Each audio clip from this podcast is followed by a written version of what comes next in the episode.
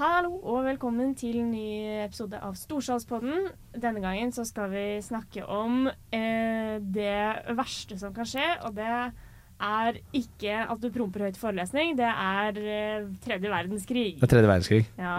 Ja. Hvem er du, og hva heter du? Jeg heter Daria. Jeg er eh, Dagens programleder? dagens programleder. Jeg har med meg dagens andre programleder, Jonas. Ja, jeg. Og fra styret ved Studentsamfunnet i Trondheim har jeg Truls. Hallo, hallo. Velkommen. Som fikk æren av å, å intervjue en av de mektigste mennene vi har. Ja, det kan man si. Man må jo si Kanskje det. ikke mektigst i verden, men Nei, men i Norge, da. I Norge. I det som han poengterte var en nasjon som er 1 255. del av Mm. Kinas størrelse i personer. Da. Skal vi bare gå rett inn i og høre intervjuet mellom eh, Truls og Espen, og så kan vi prate litt etterpå, vi. Det gjør vi.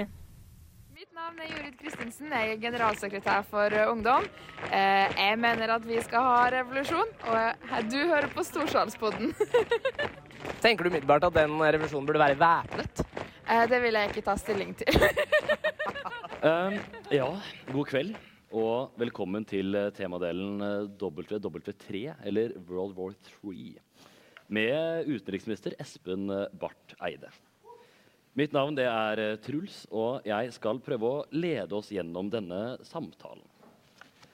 De siste årene har vi sett en dramatisk økning av eh, konflikter, og over 110 millioner mennesker er på flukt fra hjemmene sine. Krigen i Ukraina har vart i snart to år, og på bare fire måneder er over 28 000 mennesker drept i israelske angrep på Gaza.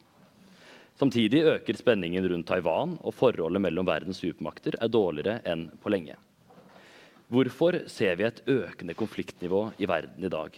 Hva kan være løsningen på disse konfliktene? Og hva gjør Norge for å sikre fred? Kunne vi gjort mer? Og sist, men ikke minst, ser vi begynnelsen på en ny verdenskrig.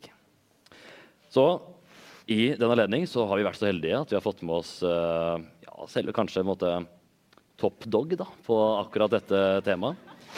Selveste utenriksministeren, eh, Espen Barth Eide, gi han en liten applaus.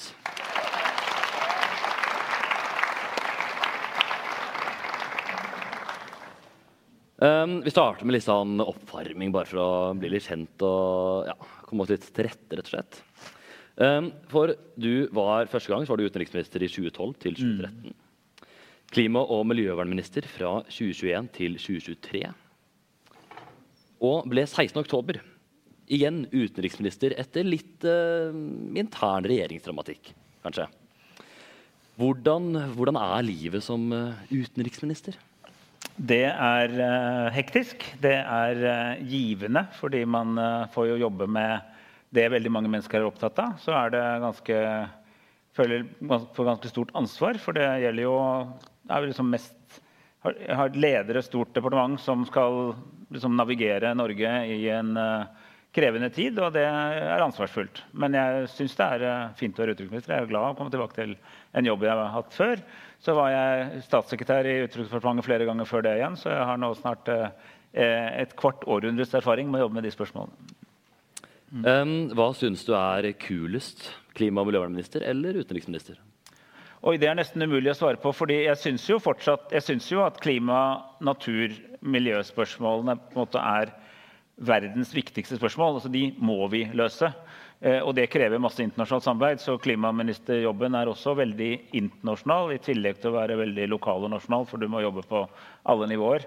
Eh, Og så mener jeg det henger ganske mye sammen. eh, fordi som vi kanskje kommer litt inn på i samtalen, en av de delene av internasjonal politikk som fortsatt virker, men som mye har gått i stå, det er faktisk samarbeidet om eh, klima og natur. Vi hadde jo bl.a. et eh, vellykket klimatoppmøte, COP28, nå nettopp i Dubai, som gikk mye bedre enn mange hadde fryktet. Fordi verden klarer å samarbeide om å sette seg noen mål basert på Parisavtalen. Så er det et helt annet spørsmål om vi klarer å gjennomføre dem, men det er i hvert fall bred enighet om hvor vi skal. Så de to jobbene henger sammen, og eh, derfor er det vanskelig å Jeg tror det jeg skal svare på, det er at jeg syns alltid den jobben jeg har nå, er den kuleste. Ja, enkelt og greit. Um, jeg har sett litt i kalenderen din, og da har jeg fått med at du har vært i, i Kina, i Beijing og Shanghai, og så har jeg vært i, i Washington, og nå da Trondheim.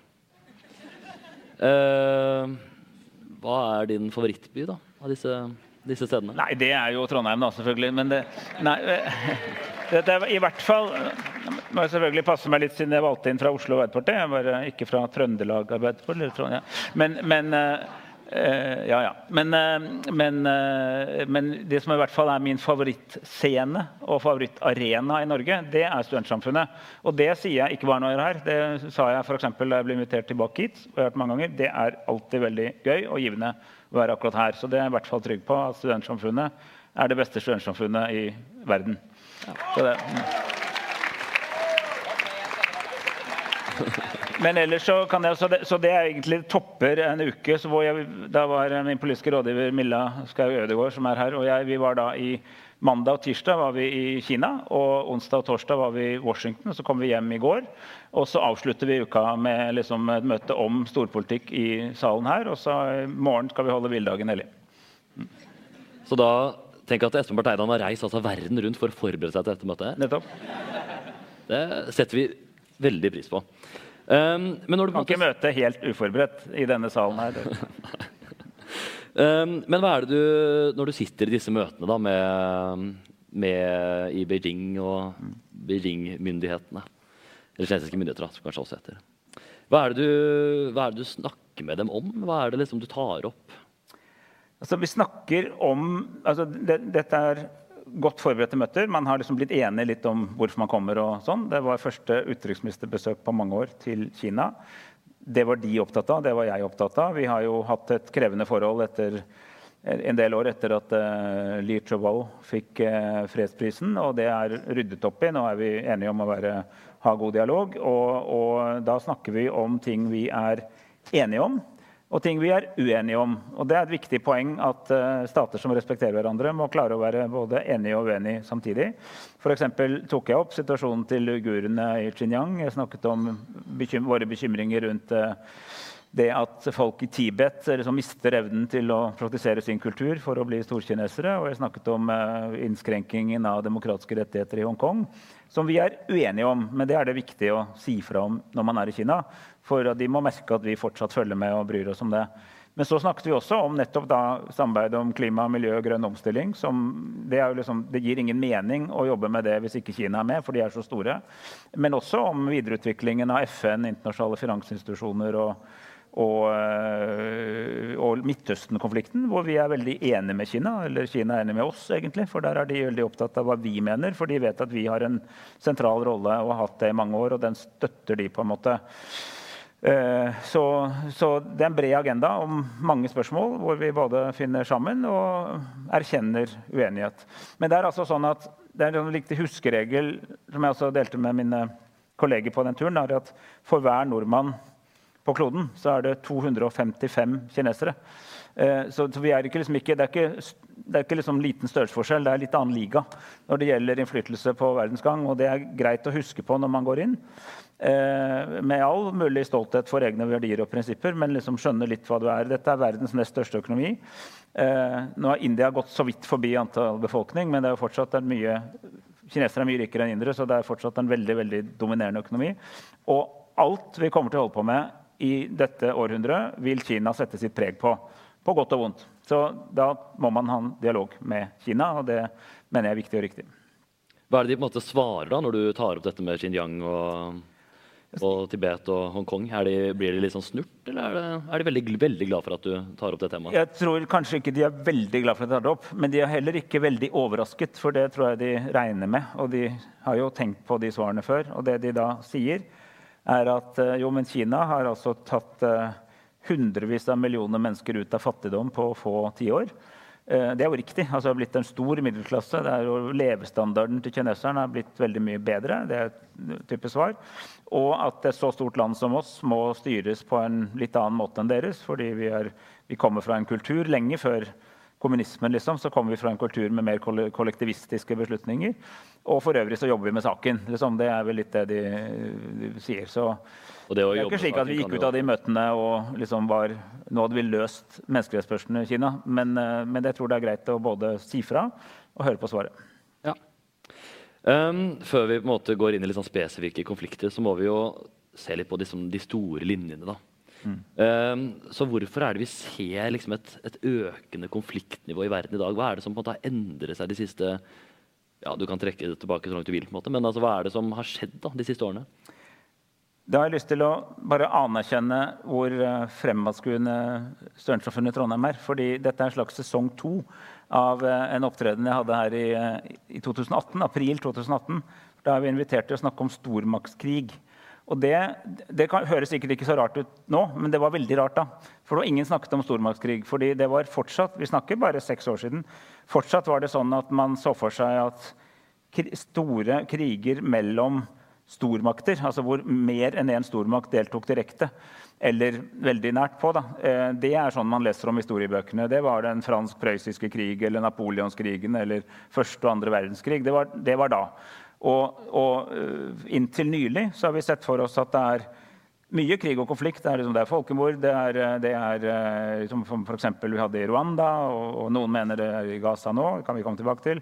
Det er, det er borgerkriger, borgerkrigen i Balkan, masse konflikter i Afrika. masse døde, Millioner av døde mennesker.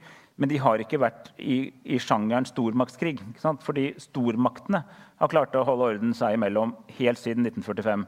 Og så har det vært stedfortrederkriger. Den kalde krigen, som jeg vokste opp i, var jo masse konflikter som alle visste at USA støttet den ene siden, Sovjetunionen støttet den andre siden. Det var liksom Indokina, i Afrika, Latin-Amerika. Men det var ikke direkte konfrontasjon. Eh, så det vi nå ser i Ukraina, er noe helt annet. Det er ikke mer av det samme, det er noe grunnleggende forskjellig. Der er vår store nabo Russland, som er naboland til Norge er aggressor. De har invadert et annet naboland, nemlig Ukraina. Og Ukraina kjemper tilbake. To år siden, som du sa, den store krigen. Men Krim, eh, Krim altså begynnelsen skjedde jo for ti år siden. Så har du altså eh, Og der er Nato-landene, USA, vi ikke direkte deltakende i krigen, men aktive støttespillere med økonomisk hjelp, våpenleveranser, teknologi til Ukraina. Eh, det, det, har, det, er ikke vanlig. Altså, det er unikt forskjellig. Og det, det, begynte jo i 2022. Men allerede i 2018 så snakket man her i Sørensamfunnet i Trondheim om at den type ting kunne skje igjen. Og det var litt originalt. og Derfor har jeg lyst til å nevne det at eh, eh her har man vært litt dessverre, han har sagt, litt fremadskuende. Det hadde vært bedre om man tok feil. Men da begynte vi å snakke om at dette kanskje kunne skje igjen.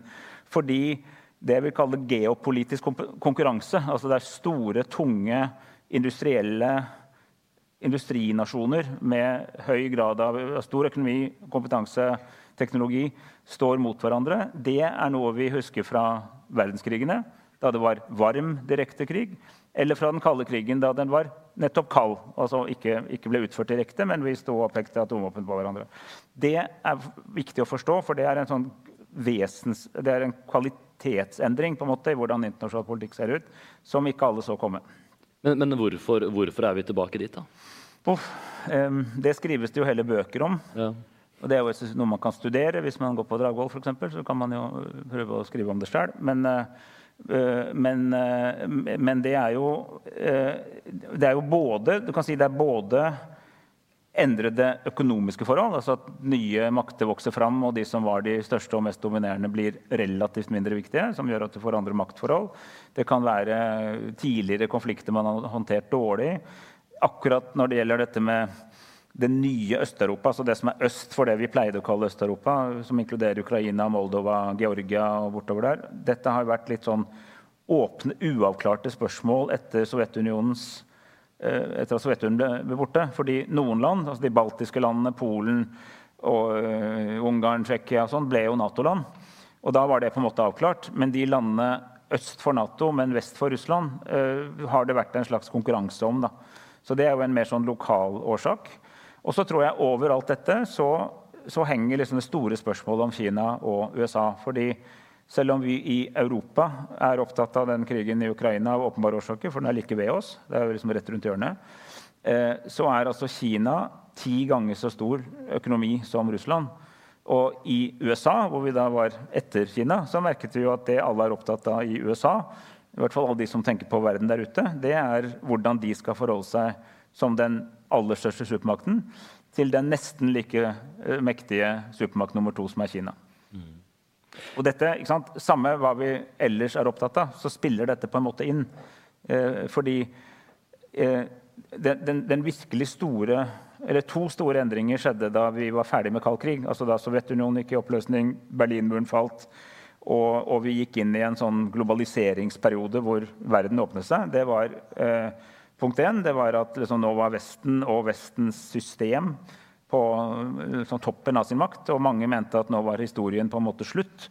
Eh, ikke sånn at vi ikke skulle leve lenger på kloden, men at nå var det ikke noe å lure på lenger. Det var demokrati, markedsøkonomi vant feil, men det var det man trodde da. Eh, altså, og det andre var at man nå kunne handle med alle. fordi under den kalde krigen så var økonomisk samkvem var en funksjon av hvem du var venner med. Altså Vi i Vesten handlet med hverandre, og de i sovjetsfæren handlet med hverandre, og veldig lite med hverandre. Det åpnet seg opp, og nå ser vi egentlig en mottrend igjen, hvor man nå er mer opptatt av å handle med de som står nærmest. Men vi kan da på en måte bevege oss da litt inn i den krigen som kanskje setter dette litt på spissen, da, nemlig krigen i eh, Ukraina. Mm. Uh, og da, har, som du sa, Den fullskala invasjonen da, har jo da vart i snart uh, to år. Det var vel 24. februar, var det ikke det? Ja. Um, hva, er det, hva er det på en måte Russland og da Putin ønsker å oppnå. Med denne krigen? Hva er på en måte deres mål? Altså, det var jo jeg tror det, mange husker at det var lenge veldig viktig for Putin å si at dette ikke var en krig. Selv om de fleste vil si at det ser veldig sånn ut. Eh, nei, det var en spesial, militær spesialoperasjon. Eh, og det den skulle gjøre, var å liksom, fjerne det såkalt fascistiske styret til Zelenskyj. Uh, og Det var liksom den opprinnelige begrunnelsen. Nå har han nylig gitt en tale hvor han har gitt en mye bredere begrunnelse, som er at dette er nærmest en hellig krig for Russland og alle Russlands verdier. Og liksom det russiske samfunnssyn, og han kjemper for Russlands overlevelse. Bare for ordens skyld, han som invaderte Ukraina, ikke omvendt.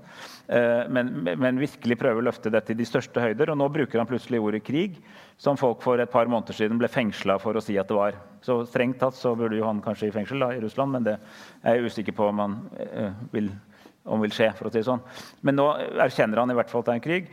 Men, men kanskje den mer sånn nøktern geopolitiske analyse er at han var redd for altså Han har sett med stor uro over at liksom, vestlige demokratiske modeller har vokst tettere på. At eh, tidligere, ikke, først tidligere østblokkland, som type Polen og Tsjekkia, eh, Bulgaria, som var deres allierte, ble Nato-land.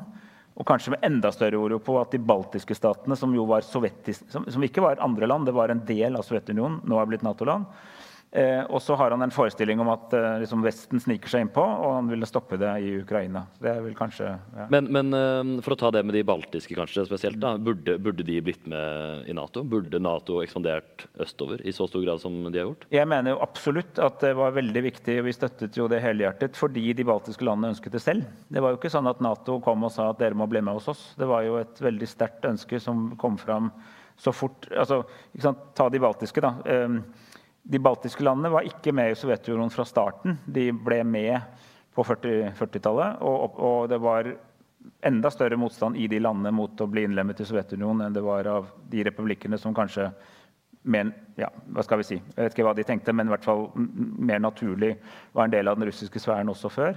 Så dette var helt vanlige europeiske land som oss, som plutselig endte opp på feil side av jern, eh, av jernteppet, og i tillegg ble absorbert av Sovjetunionen.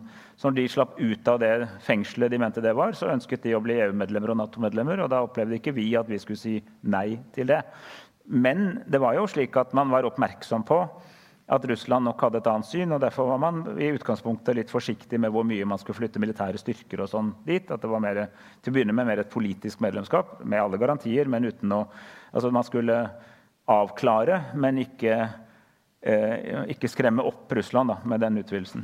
Men så var det et møte på, i 2007 så var det et Nato-møte i Bucuresti, hvor, eller 2008 var det, hvor og Der tror jeg man kan ta litt skyld fra vestlig side, og særlig den daværende amerikanske presidenten Bush den yngre. da, George W, som måtte sendte et signal om at Ukraina skulle få bli med en gang uten egentlig å gjøre det. Så det ble en slags sånn Og Georgia, vel? var det ikke? Og Georgia også. Eh, helt riktig.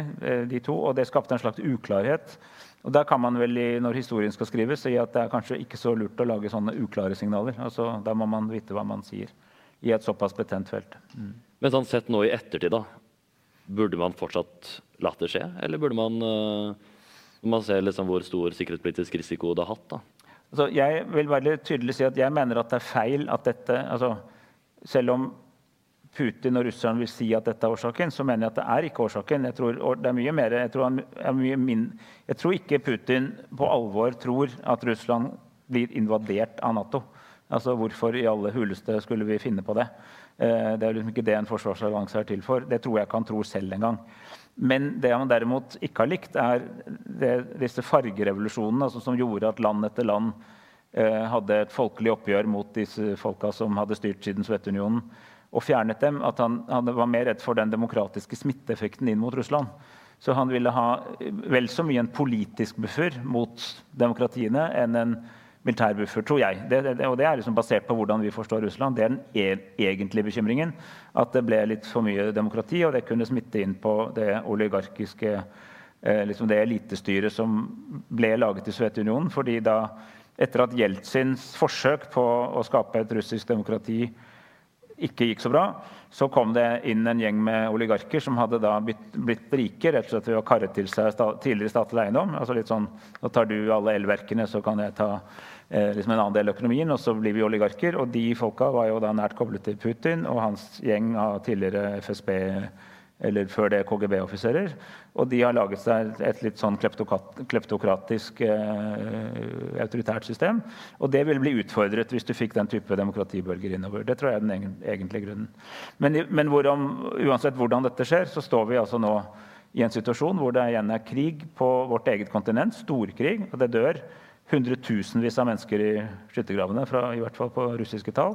Eh, du har en krig langs grensen som er som har begynt å ligne på sånn første verdenskrig.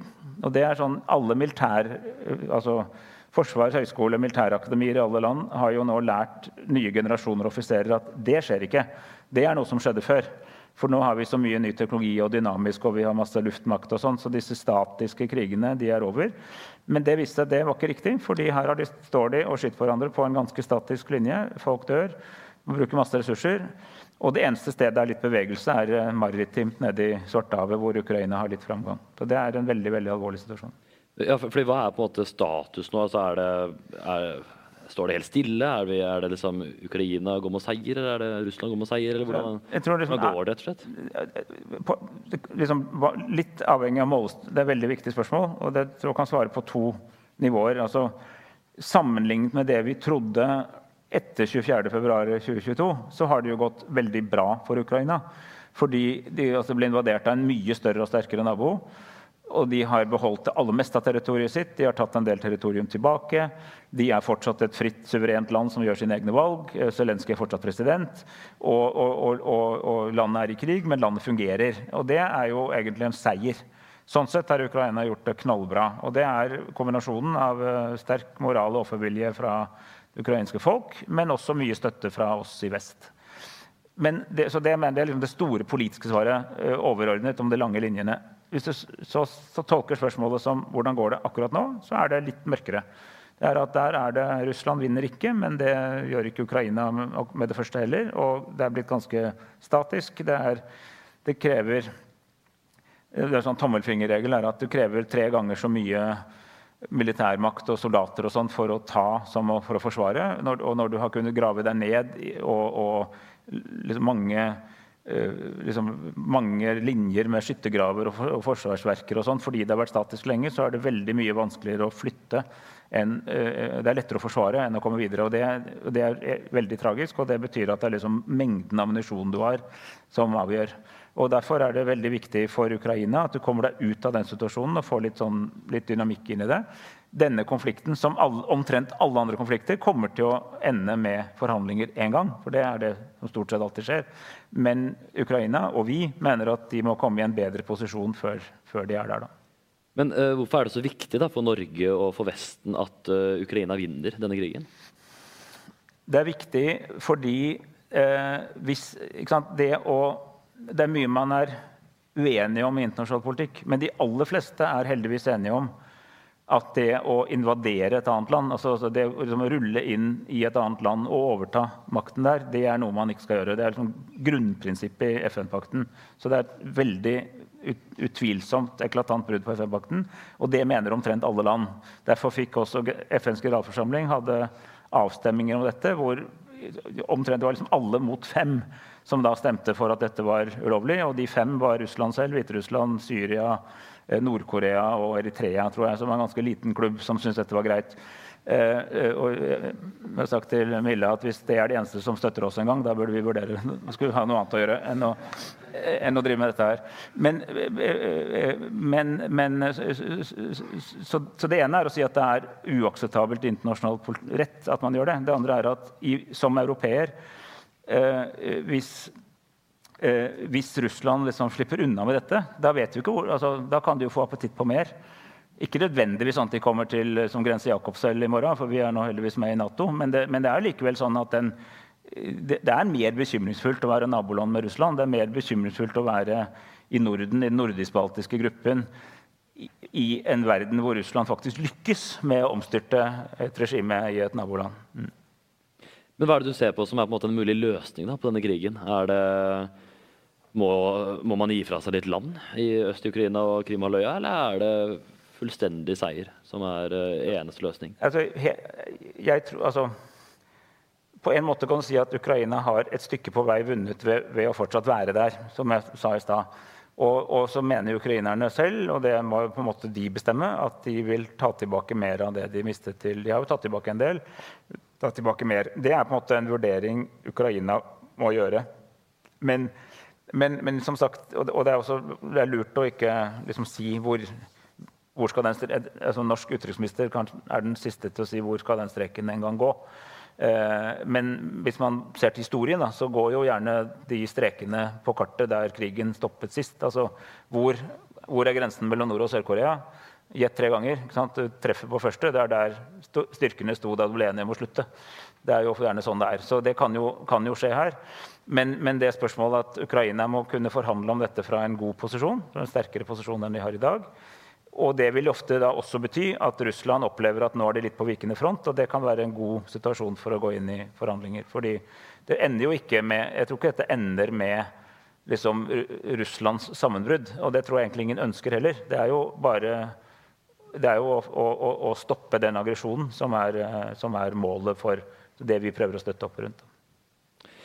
Um, for det er jo flere forsvarssjefer, uh, inkludert vår egen forsvarsminister, som har sagt at vi bør være forberedt på at en konflikt kan bryte ut. Og en kommentator i Aftenposten, Frank uh, Rossavik, han skrev at tredje verdenskrig den er allerede kanskje i gang. Mm. Hva, hva, tenker du? Er vi rett og slett er vi i starten? Hmm. Jeg tror ikke det begynner i kveld, så vi kan i hvert fall kose oss uh, nå. jeg jeg tror ikke det. Altså, jeg tror det er litt for dramatisk. Jeg tror, jeg tror at denne, den, også denne krigen blir håndtert på en måte som gjør at den ikke sprer seg til det som er en verdenskrig. Og en verdenskrig forutsetter jo igjen liksom, flere stor- eller supermakter involvert på hver sin side, og at den skjer på mange kontinenter. Det er liksom litt krav for en verdenskrig. Da. Så det tror jeg egentlig ikke.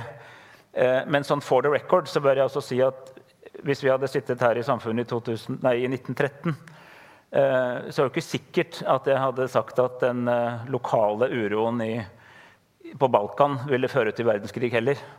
Så det er, man skal si sånne, det er farlig å spå, spesielt om fremtiden. Men hva er det du tror da, må, måte, hva er måte, de neste stegene? Hva er det som må skje før vi, kan, måte, før vi faktisk ser at nå er det verdenskrig? Hva er det du, hvis du liksom skulle legge frem en plan da, for å starte, starte tredje verdenskrig?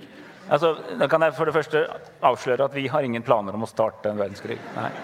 Så eh, det er jo sikkert noe som har lurt, men eh, vi planlegger ikke for det. Men vi planlegger jo selvfølgelig, og jeg har også vært forsvarsminister, vi har jo alltid planlagt for at det kan bli krig. Det er jo i og for seg derfor vi har Forsvaret. Derfor vi meldte oss inn i Nato, er jo fordi vi, vi vet i fredstid at fredstid kan gå over, for det har skjedd før. Og da Norge ble med i Nato i 1949, eh, mens f.eks. Sverige ikke ble med i Nato, det er jo fordi vår erfaring var at vår nøytralitetslinje under første verdenskrig, som man hadde prøvd seg på da det stundet mot andre verdenskrig, ikke funka, og vi ville være allierte. Mens for vårt naboland Sverige hadde opplevd at nøytralitetslinja funka. Og da videreførte man logisk de to linjene. Alliere oss for oss, være nøytrale og bygge sitt eget forsvar i Sverige. Og nå har Sverige kommet til at de bør bli med i Nato, det de òg, etter det som har skjedd med Ukraina. For øvrig en stor endring for oss. Så det å være forberedt på sikkerhetspolitisk krise og krig, som vi sier. Altså både altså militært, direkte militært trussel mot Norge under grensen for krig, men også krig. Det gjør vi egentlig alltid, og vi gjør det litt mer nå. Men det er jo ikke det samme som at vi verken tror det vil skje eller planlegger for å starte den. Men det ville være veldig uansvarlig av en regjering å ikke ta Altså det er på en måte en selvfølge. Det kan bli krig. Ja, selvfølgelig kan det bli krig. Det har skjedd før i historien. Men det må ikke høres ut som at vi tror det er overveiende sannsynlig at, vi, at det er rett rundt hjørnet. For det tror jeg virkelig ikke. Det tror heller ikke forsvarsministeren eller forsvarssjefen. Men det er jobben vår å tenke på de tingene. Da. Mm. Og, å, det, og, da er det jo å holde, holde orden på alliansene sine. Det er å respektere folkeretten, og det er å ha orden i eget hus. Hva er det du vil si er den største trusselen mot uh, global sikkerhet akkurat nå? Hvor er, hvor er, det den trusselen er? Altså, den største trusselen i det du sier, Jeg hørte du sa akkurat nå, men jeg vil likevel det lange løp, som er den største trusselen mot global sikkerhet, er klimakrisen. Og det, og det, men det, er, det sier han for dem av klimaminister. Men amerikansk etterretning mener også at det. At uh, nå i dette tiåret er det konflikter mellom stater, men stadig mer er det menneskehetenes overlevelse i møte med stadig mer dramatisk klimakrise, som også er en sikkerhetspolitisk trussel. Men det var ikke det du spurte om. fordi det, det, du spurte om var akkurat nå. Nei, akkurat nå så tenker jeg Det er egentlig summen av flere av de tingene. Vi kommer jo inn på Midtøsten og Gaza etter hvert, men det er den stor, stormaktskrigen vi ser i Ukraina. Men så blir jo situasjonen forverret av det som for så vidt er en mer regional konflikt i Midtøsten, men med spredningseffekt, som jo igjen bidrar til større splittelse mellom øst og vest og nord og sør, og som gjør at liksom, verdensorden det, det, knaker mer i sammenføyningene. Da. Og jo mer du har av det oppå hverandre, jo vanskeligere blir det å navigere. Det var jo noen som kalte Det er mye enklere å ha én krig av gangen. på en måte. Så, ja. ja. Prøv på det, da. Mm. Vi prøver, men det går ikke så bra. Men det, det, var jo noen som jeg husker helt hvem det var, men det var noen som kalte Taiwan da, for verdens farligste sted. Hva, hva er det som liksom vil skje hvis det bryter ut en væpnet konflikt der? Det er veldig, egentlig veldig riktig å ta inn nå. fordi på godt vil jeg si at sannsynligheten for at det skjer noe, eh, i betydningen militær konflikt rundt Taiwan, er jeg mener lavere enn mange snakker om. Var, altså etter at Vi var, har da som sagt vært denne uka i Kina og USA, og i USA er de innmari opptatt av det. Og, det, og jeg, jeg syns det er helt riktig at de tenker på det som en mulighet, men det er liksom vel, litt mye Møllers tran. Liksom litt mye uh, bekymret for det er nært forestående i USA. Uh, og det var ingenting i mine samtaler i Kina som skulle bekrefte at dette er noe de liksom er, er rett rundt hjørnet. Men det sagt, hvis det skjer, så er risikoen veldig stor. Eh, fordi det kan veldig fort dra de, de liksom uten sammenligning største maktene som har helt annen orden enn Russland, inn i direkte konfrontasjon, eh, nemlig Kina og USA. Eh, de to virkelig store supermaktene vi har i vår tid. Og det, det, er ikke morsomt å tenke på. Og det krever da litt klokskap og diplomati fra begge hold, særlig, og fra andre, som for å måte, holde det litt i sjakk. Men hva er det som på en måte hindrer, da? Eller hva er det som stopper Kina fra å gjøre noe med Taiwan? Er det, hva er det som holder det igjen? Er det frykten for Det er nok at ja, um, altså, Kina er veldig tydelig på at Taiwan er kinesisk. Uh, det mener for øvrig vi og de fleste vestlige land òg. Vi har det som heter ett-Kina-politikk. Vi, vi, mener ikke at Taiwan er et, et selvstendig anerkjent land uh, liksom uavhengig av Kina. fordi det, jo, det, jo, det, som har skjedd der, er jo fordi da den kinesiske revolusjonen Altså Da Mao vant i Kina, så flyktet Chiang Kai-shek til det vi nå kaller Taiwan, som vi da kalte Formosa, og, og etablerte seg der. Og så ble, ble, de liksom aldri en del av det eh, altså Politisk sett så ble de ikke en del av, av, det nye Kina, som kineserne kaller det. Og det er liksom litt sånn unfinished business. Eh, men, men, så kan du jo si at Kina kan jo prøve å påvirke det ikke nødvendigvis med militærmakt. Altså det, det, kan jo være langsiktig økonomisk politikk. Det er mange andre virkemidler Kina kan prøve på for å gjøre at Taiwan blir mer som Kina, slik, slik de har gjort med f.eks. Hongkong. Så det at de mener det, er ikke det samme som at de har tenkt å invadere med det første. Men så har jo eh, USA vært veldig tydelig på at de vil ikke akseptere at eh, Taiwan blir, som jo har et mer vestlig økonomisk og politisk system, at de blir eh, liksom tatt med makt. Og, og er, den avskrekningen som ligger i det, er nok med til å få Kina til å tenke to ganger om ikke å gjøre det nå, i hvert fall. Kommer Norge til å støtte Taiwan hvis det skjer en væpnet konflikt her? Altså vi, vår veldig tydelige linje på Taiwan er at vi, vi er enige, vi har en ett-Kina-politikk, men vi mener at eh, enhver endring i Taiwans status må skje i felles forståelse. Altså Enten den går den enda veien, er noe de må bli enige om med de som styrer i Taiwan. Så, så en voldelig tilbaketakelse ville jo vi være det er, jo, det er jo vi veldig sterkt imot, og det ville være vårt synspunkt da også.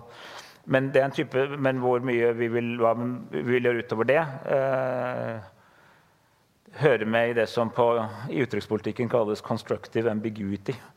At det, man, Gjerne oversette det. det betyr at det svarer man ikke på, og det gjør, svarer man ikke på med vilje. Da fikk jeg stilt det høres mye finere ut når man sier 'constructive ambiguity'. Så vi er ikke helt på den eh, amerikanske linjen altså, der. I den forstand at vi ikke vil at Kina skal ta Taiwan med makt, så er vi på den amerikanske linjen. ja. Men vi har litt færre hangarskip i Sør-Kina-havet. um, hva er det, eller sånn, er du, er du glad for at det finnes uh, Tror du atomvåpen kan hindre oss uh, fra å nå en tredje verdenskrig? Eller Uh... Uff.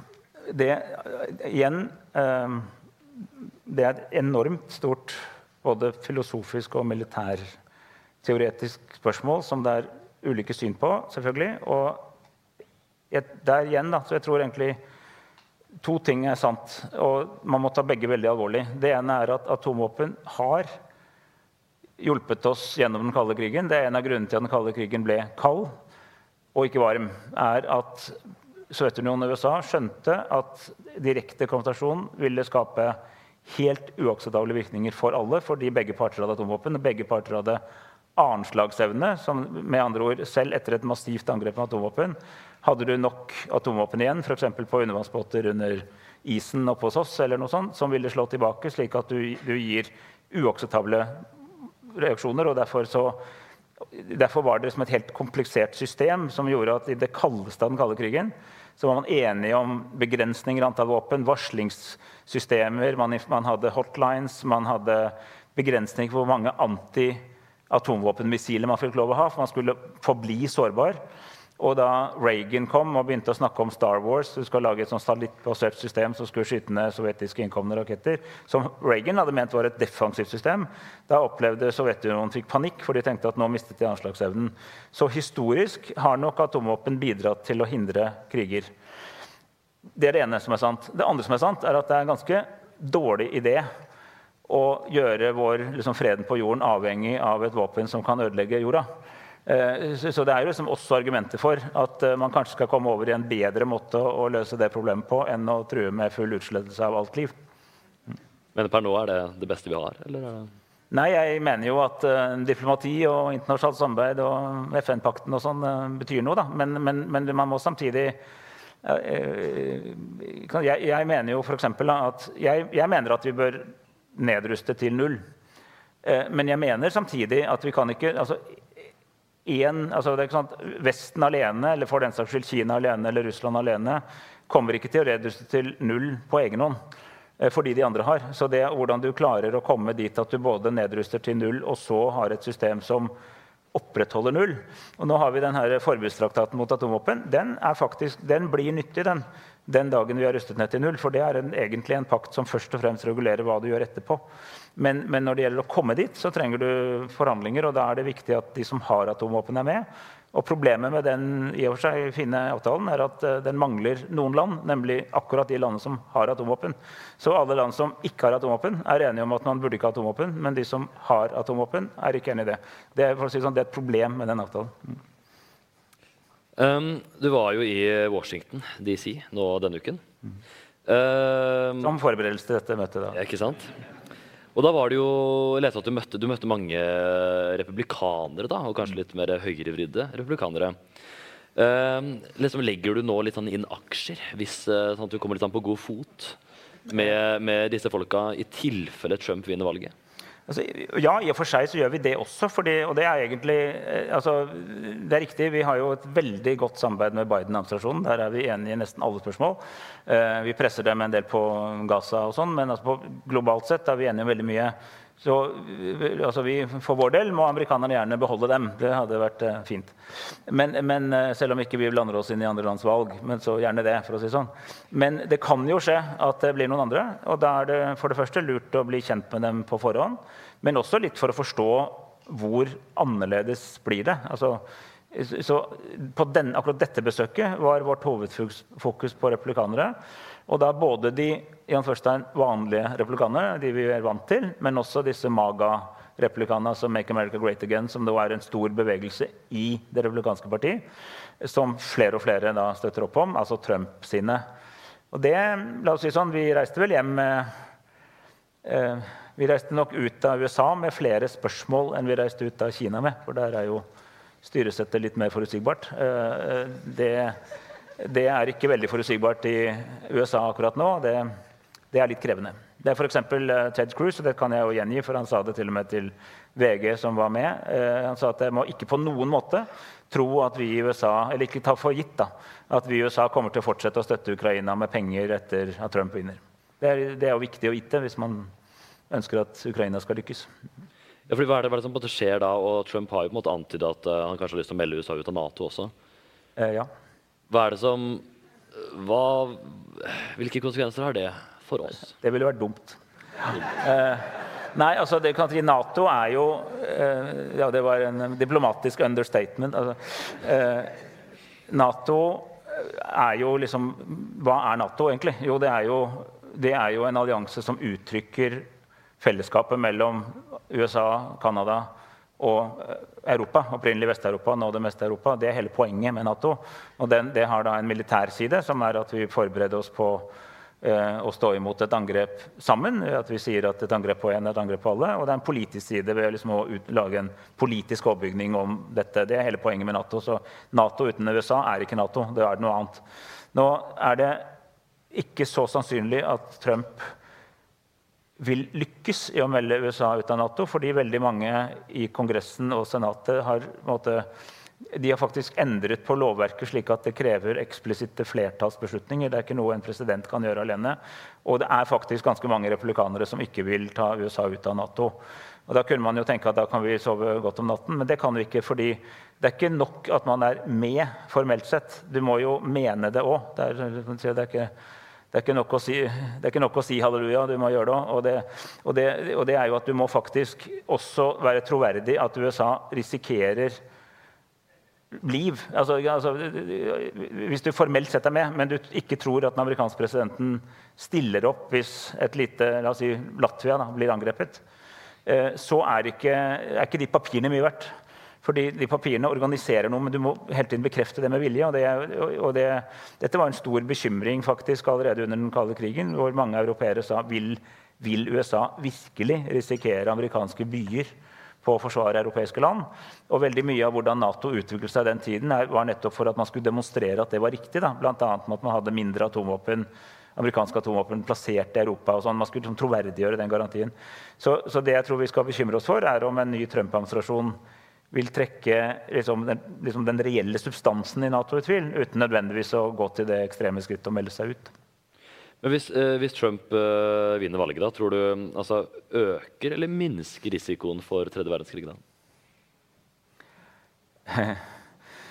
eh, jo, jeg vil nok si at um, nå, bare, jeg må si før jeg svarer på det, at vi, vi, jo, vi vil jo arbeide med den til enhver tid sittende administrasjon og gjør det beste ut av det. Og vi klarte jo å håndtere liksom, det bilaterale forholdet til USA under Trump var, var greit. Det var mer det at ting altså Vår bekymring da var mer hva Trump-Amerika liksom mente om andre spørsmål. altså hvordan de påvirket verden. Men den type uforutsigbarhet som representerte Trump 1, si på den måten den uklarheten, uforutsigbarheten og alle de overraskelsene som kom under Trump 1, det, ikke, det er ikke forenlig med og liksom å sove trygt om natta og føle at verden er i, liksom, godt styrt. For å si på den måten. Så da kan vi jo se om han er blitt mye bedre siden sist. Men jeg er ikke sikker. Ja. Um, da kan vi jo på en måte trekke oss litt inn mot da, en annen konflikt da, mm. som uh, engasjerer, engasjerer, veldig. Uh, I uh, ja, den 7. oktober 2023 bare ni dager før du tiltrådte som utenriksminister, så angrep eh, Hamas Israel. Eh, og omtrent 1100 israelere ble drept, og Hamas tok over 240 gisler. Hva var det som måte, skjedde den eh, 7. oktober, og hvordan måte, opplevdes det for uh, den gjennomsnittlige israeler? Jeg tror det var, altså det var det, altså Uten noen som helst tvil, det var det største sjokket Israel opplevde etter at staten ble opprettet. Og det var et, eh, for, for det første fordi det var, det, men det var et liksom, uten sammenligning største terrorangrepet. Flest drepte og veldig mange drepte på bestialsk vis. Veldig mange var jo ungdommer på en festival, en sånn fredsfestival nærmest, eh, i, i Sør-Israel. Eh, og det var altså noen helt forferdelige scener som skjedde. Og dette ble ble et, et, enormt sjokk for hele den israelske nasjonen. Og som siden Israel er laget som det, liksom jødenes stat etter holocaust, så var det veldig mange som da liksom, trakk linjene tilbake. At nå er de ute etter oss igjen. Så jeg tror, liksom, jeg tror Israel reagerte enda sterkere. Alle land ville synes dette var helt fullstendig katastrofalt. Men jeg tror liksom at opplevelsen av katastrofe var ekstra stor i Israel. fordi at hele tilblivelsen av Israel er at man endelig skulle få et sted å være trygg etter holocaust og etter hundrevis av år med jødeforfølgelse. Det er veldig sentralt for israelere. Det kan man mene hva man vil om, men det er veldig sentralt i, liksom, i hele den israelske jødiske historien. Da. Eh, og, og, det måtte de jo Ja, så det, og det var du spurt om så langt. Det var et enormt sjokk, og det berørte alle. Og jeg kjenner en god del israelere, også veldig mange som er veldig langt unna den nåværende regjering og ikke liker dem i det hele tatt. Men det er jo sånn alle kjenner noen direkte. Kjente noen, hadde familie, venner som ble drept, eller i hvert fall som var nær på en eller annen måte. Så det har angått hele nasjonen enormt mye. Mm. Um, og så tok det jo ikke da lang tid før eh, Israel svarte med full styrke. Og til nå så er over 28 000 palestinere drept på Gazastripen. Og av disse så er over 12 000 barn. Synes du Israels svar står i forhold til angrepet den 7. oktober? Nei, absolutt ikke. Jeg mener at Israel har overreagert liksom enormt. Eh, og det jeg mener med det, er at det er ikke, det er ikke urimelig Altså Hvis du blir angrepet med et voldsomt terrorangrep av Hamas, så svarer du på det på en måte. Du, du, og det er ikke noe rar tanke at da må vi liksom gå løst på Hamas. Det tror jeg alle, de fleste skjønner. Men måten det er gjort det på, med eh, dessverre eh, altså veldig mye våpenmakt, veldig mye bruk av store bomber, veldig, altså våpen som ikke skal brukes i, i bebodde områder, tettbebodde områder, eh, hvor du har hatt veldig mye eh, sivile tap Selvfølgelig også en del Hamas-tap, men veldig fleste drepte er jo ikke eh, Hamas-soldater. For de er jo blant de best beskyttede. De er jo ofte nede i tunnelene helt til de kommer opp og, og slåss. Men sivilbefolkningen er jo ikke der. For de bor i huset sitt oppå, eller er bar i barnehagen eller på skolen eller på sykehuset og, blir drept. Eh, det er en katastrofe av enorme dimensjoner. Eh, og her har man jo også drept. Nå er vi over 28 000. 60 000-70 000 er direkte skadet eller lemlestet av krigshandlingene. Men det vi fort glemmer, er at alle de andre, nesten alle de andre er på flukt. De har ikke hjemmene sine, for det er bombet. De er helt andre steder, og de har flyktet mange ganger. Eh, og nå er mange nede i Rafa. Helt, sør, helt ned mot grensen mot Egypt. Der kommer du ikke lenger. Og nå snakker jo den israelske hæren om å gå, eller regjeringen da, om å sende inn hæren der også. Og dette er akkurat nå er det den verste humanitære situasjonen noe sted på kloden, sier de som har erfaringer slik det. Jeg snakket for forrige uke siden var i Egypt og snakket med noen fra Leger uten grenser som akkurat hadde kommet ut av Gaza. og De vet litt om lidelser, sånn, for de er alle steder det er jævlig. Men sa de har ikke sett noe som Gaza. så det er ekstremt kjempealvorlig. Liksom... Og svaret er at Israel har selvfølgelig eh, gått mye lenger enn det, det, vi kaller krigens folkerett tillater. For den tillater deg å svare på et angrep, men den pålegger deg at du skal ta aktive grep for å skille mellom stridende og sivile. Og det skal være, de militære angrepene skal være proporsjonale med det du ønsker å oppnå. Men Kan du ikke beskrive på en måte den sivile situasjonen? da? Hvordan, hvordan er det å leve i Gaza nå?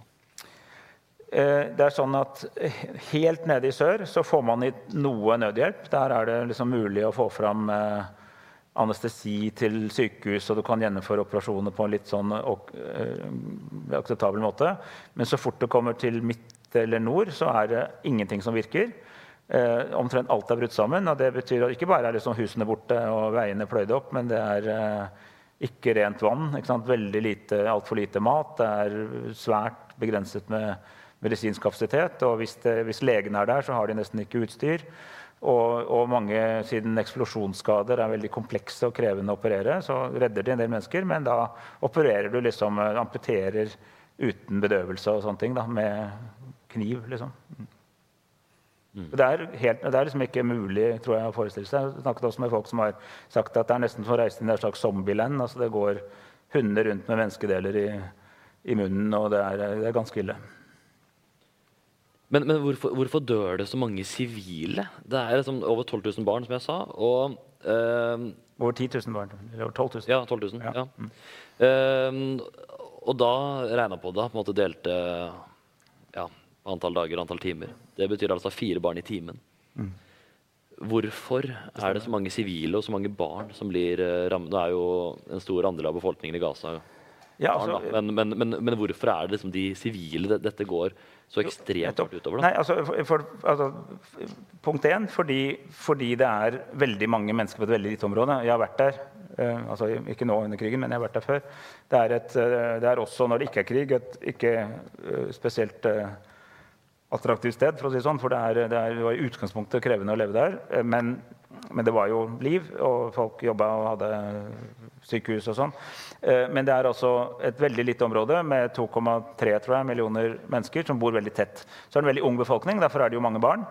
Og så er det sånn, om, om, Omtrent alt er by. Altså Vi snakker om eh, Gaza by og Kanyonis og Rafal, disse stedene alle har hørt om. Men det er omtrent ingenting imellom. Altså det er jo Så fort du forlater den ene, så er du i den andre et, et eller annet jorde. liksom. Men, men det, er veld, er en veldig urbanisert eh, sted. Mange er jo historiske flyktninger fra Nakba, altså da Israel ble etablert, og mange flyktet bl.a. dit. Eh, Så de er jo utgangspunktet flyktninger, og nå flykter de igjen videre. Eh, du, så det er hvordan det ser ut der. Og når man da bruker eh, veldig store eh, bomber, f.eks., for, for å liksom såkalt sikre et område før de går inn med, med landstyrker for å ta Hamas, så skal det, altså med den oppførselen så er det nesten umulig at ikke sivile dør. Og så har de sendt noen tekstmeldinger og sluppet flyveblader og sånn for å si at nå må du ikke være her, fordi om et minutt så sprenger vi huset ditt. Men det er liksom ikke alle som helt får organisert seg rundt det. Eh, og det er ikke alltid at de stedene man trodde var trygge, var trygge heller. Så er, eh, Derfor har vi vært eh, kanskje det tydeligste landet i Europa på å si at dette er alvorlige brudd på det som heter humanitærretten, eller internasjonal humanitærrett, eller krigens folkerett på folkemunne.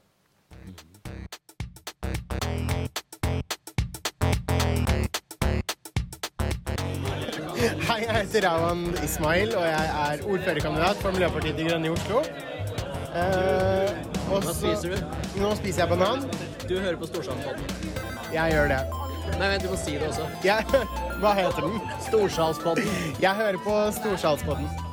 Ja, det er løgn. Kan du også si du hører på Storsalspodden? Du hører på Storsalspodden. Tusen takk. Vi er tilbake etter å ha hørt eh, et eh, ganske godt intervju, Truls. Er du, er du fornøyd? Ja, veldig fornøyd.